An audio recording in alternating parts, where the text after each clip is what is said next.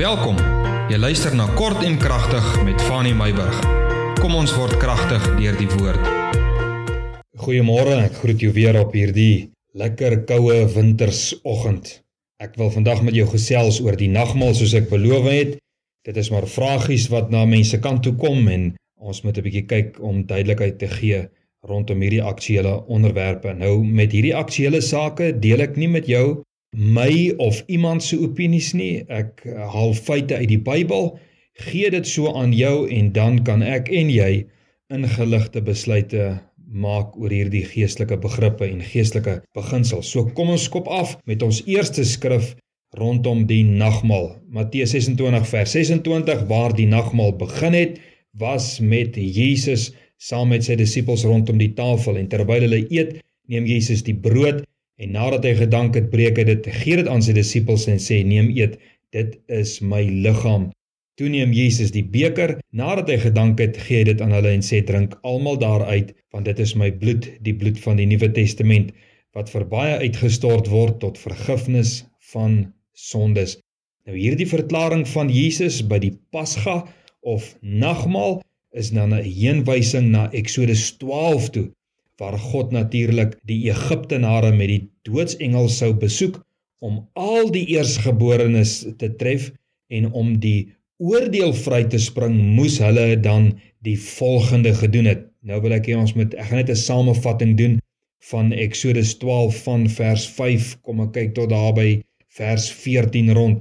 Nou Eksodus 12 vers 5 begin ons en daar die beginsel die begrip was daar moet 'n lam wees sonder gebrek Die bloed moet geneem word van daardie lam en dit moet gestryk word. Dit moet gesit word aan die twee deurposte van die huis en dan moet hierdie huis daardie vleis wat oorgebly het nadat die bloed aangesmeer is, moes hulle daai vleis vat.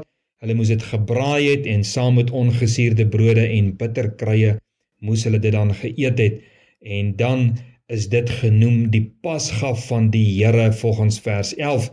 En dan vers 13 sê uh, die Here dat as ek die bloed sien, dan sal ek by julle verbygaan. Ek sal nie julle eersgeborenes met ander woorde tref met die dood nie en dit gaan oor die bloed. Die bloed maak dat die doodsengel by die huise sal verbygaan. En hierdie dag sê vers 14 moet vir almal 'n gedenkdag wees en dan sluit hy die vers af om te sê as 'n ewige insetting moet dit gevier word. Nou almal in die huis het hiervan geëet. Pa, ma, oupa en ouma, kinders, kleinkinders, agterkleinkinders, almal, maak nie saak wat hulle ouderdom was nie, almal het daarvan geëet en almal het die voordeel van die bloed aan die deurposte het hulle geniet. Julle verstaan mos nou wat s'ie beginsel die die woord gebruik van deurposte. Dit is die deurkusyne, nê? Nou Paulus, hy neem die nagmaal vorentoe as 'n insetting. Dit wat Jesus uitgebeeld het en aan deel geneem het saam met sy disippels So neem Paulus die nagmaal vorentoe as 'n insetting soos wat nou uitgestipel is in Eksodus 12 waar God gesê het dit moet 'n ewige instelling wees, maar Paulus gaan nie aan om hierdie Pasga fees voor te sit nie. Hoekom nie? Want Jesus het ook daardie spesifieke fees kom vervul soos al die ander. Verskoon tog, maar Paulus sit die nagmaal voort soos wat Jesus dit gebruik het En dit kan jy nou lees in 1 Korintiërs 11 van vers 17 tot vers 34. Ek wil nie daardie skrif vir jou lees nie. Ons tyd is baie beperk. Jy kan dit self gaan lees. Nou die nagmaal was natuurlik nog voor Paulus se bekering al reeds voortgesit deur die apostels. Ek gaan net twee versies heen verwys. Ons lees vroeg daarvan in Handelinge 2 vers 42 dat hulle het volhard in die leer van die apostels. As ons praat nou hier van die gelowiges, nê? Hulle het gevolhard in die gemeenskap met medegelowiges, die breking van die brood wat verwys spesifiek na die nagmaal, nie na ete nie, en dan het hulle ook volhard in gebede en dan ook soos vers 46 sê. So nou, kom ons delf nou in al hierdie vragies en stellings wat almal ook maar in hulle gedagtes het en wat die spesifieke persoon ook oor gevra het. Waarvoor staan die nagmaal? Ons skrifte wat ons gelees het en wat jy ook gaan lees in 1 Korintiërs 11 vanaf vers 17 maak dit duidelik wat die betekenis is. Die bloed is tot vergifnis van sonde. En in Eksodus 12 eh, lees ons dat die doodsengel wat 'n uh, ek wil amper sê teer op die sonde van die mensdom, die siel sal verbygaan wat skoon gewas is met die bloed van Jesus Christus. Dit is hoekom Johannes gesê het, hy sê daar is die lam wat die sonde van die wêreld gaan wegneem. Hy verwys na die lam van Eksodus 12. Hy verwys na die bloed van die lam wat dan uh, gaan maak dat die dood by die siel sal verbygaan dat die ewige dood nie sal val op die siel wat die bloed van Christus het nie en dan die brood natuurlik wat spreek van die liggaam van Jesus Christus wat gebreek moes word deur die kruis sodat die bloed vrygelaat kan word. Nou as jy die nagmaal gebruik, word Jesus natuurlik nie opnuut weer gekruisig nie, nê?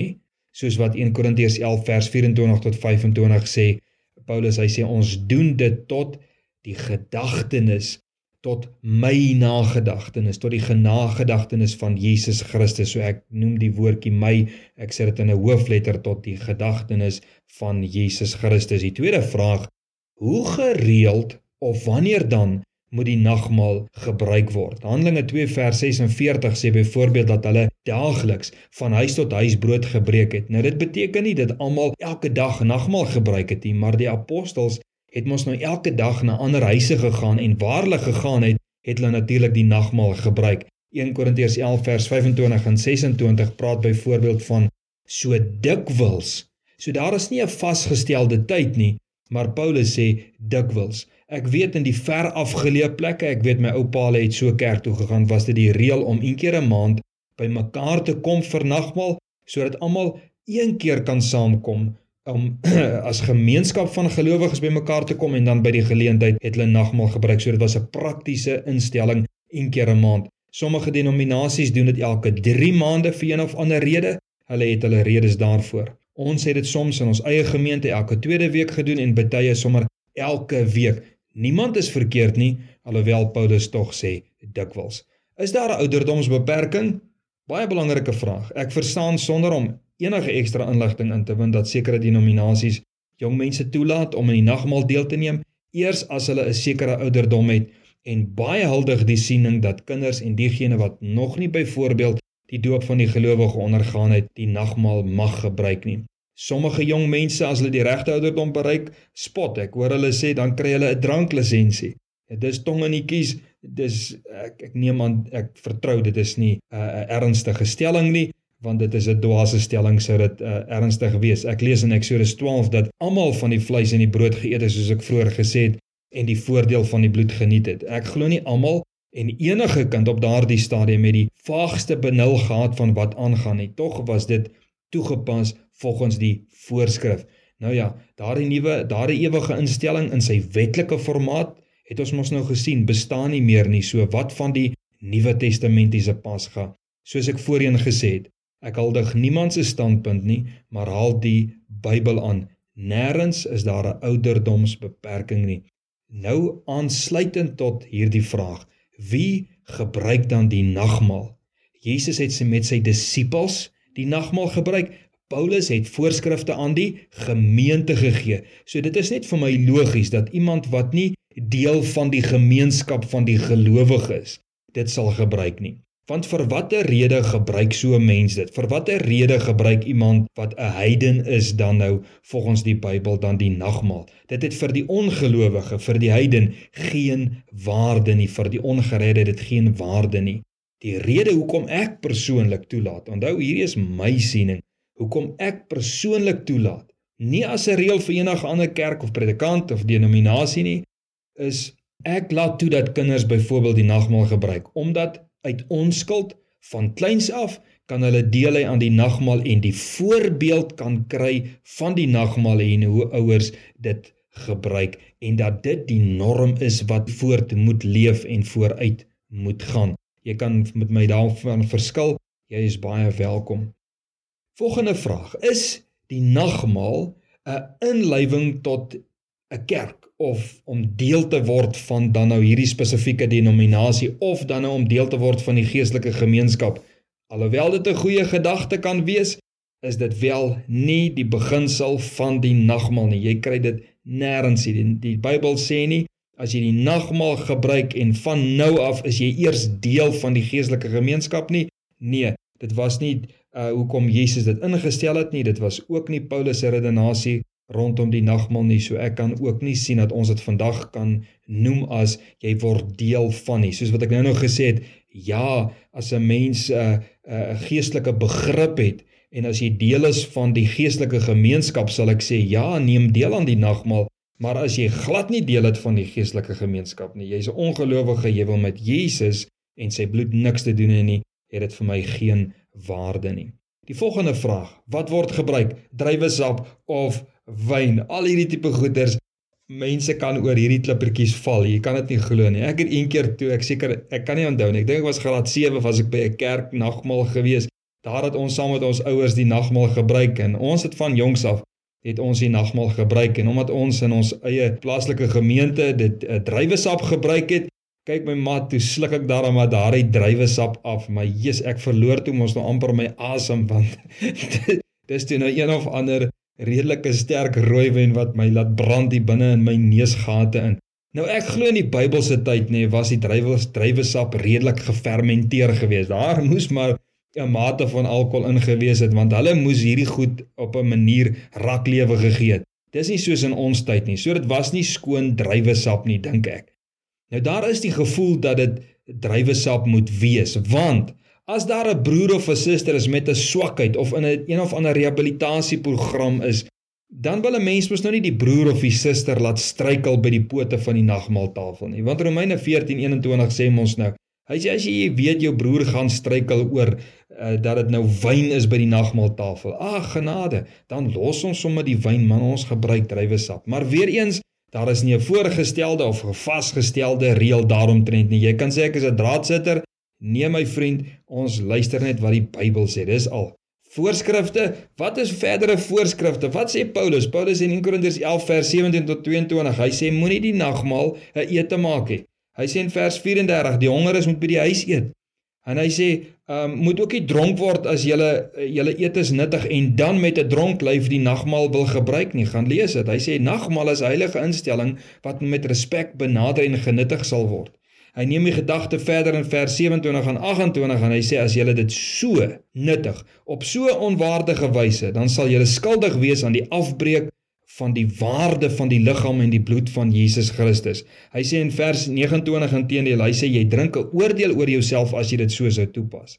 Hierdie oordeel sluit selfs in vers 30 uh swakheid, siekte en dood in. Dis die oordeel. Paulus sê hierdie oordeel waarvan hy praat is volgens vers 32 die tug van die Here. Die Here straf mense wat op onwaardige wyse die nagmaal van die Here geniet. En hierdie tug van die Here stuur jou nie hel toe nie volgens Paulus, maar dit is 'n blote straf. So, vers 28 en vers 31 sê ondersoek en beproef jouself voordat jy die nagmaal gebruik. Hier kom die laaste vraag. Die laaste stelling. Die nagmaal elemente het nie bo natuurlike kragte nie. Kind van die Here, hoor mooi wat ek sê. As jy die nagmaal wyn oor jou kar gaan uitgooi, gaan dit nie jou vrywaar van ongelukke nie. Dit het nie magiese kragte, bonatuurlike kragte nie. Dit was nog nooit bedoel vir wonderwerkende krag nie.